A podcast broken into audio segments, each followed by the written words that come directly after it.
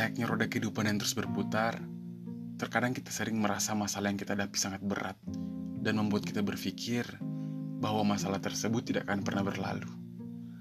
Namun percayalah, semua hal di dunia ini tidak ada yang permanen. Dan suatu saat akan berlalu termasuk masalah kita. Jadi, tetap bersikap dan berpikir positif dan tetap tenang dalam menghadapi masalah yang muncul, tetap mencari solusi yang terbaik dalam menyelesaikannya. Just love yourself and have a nice day.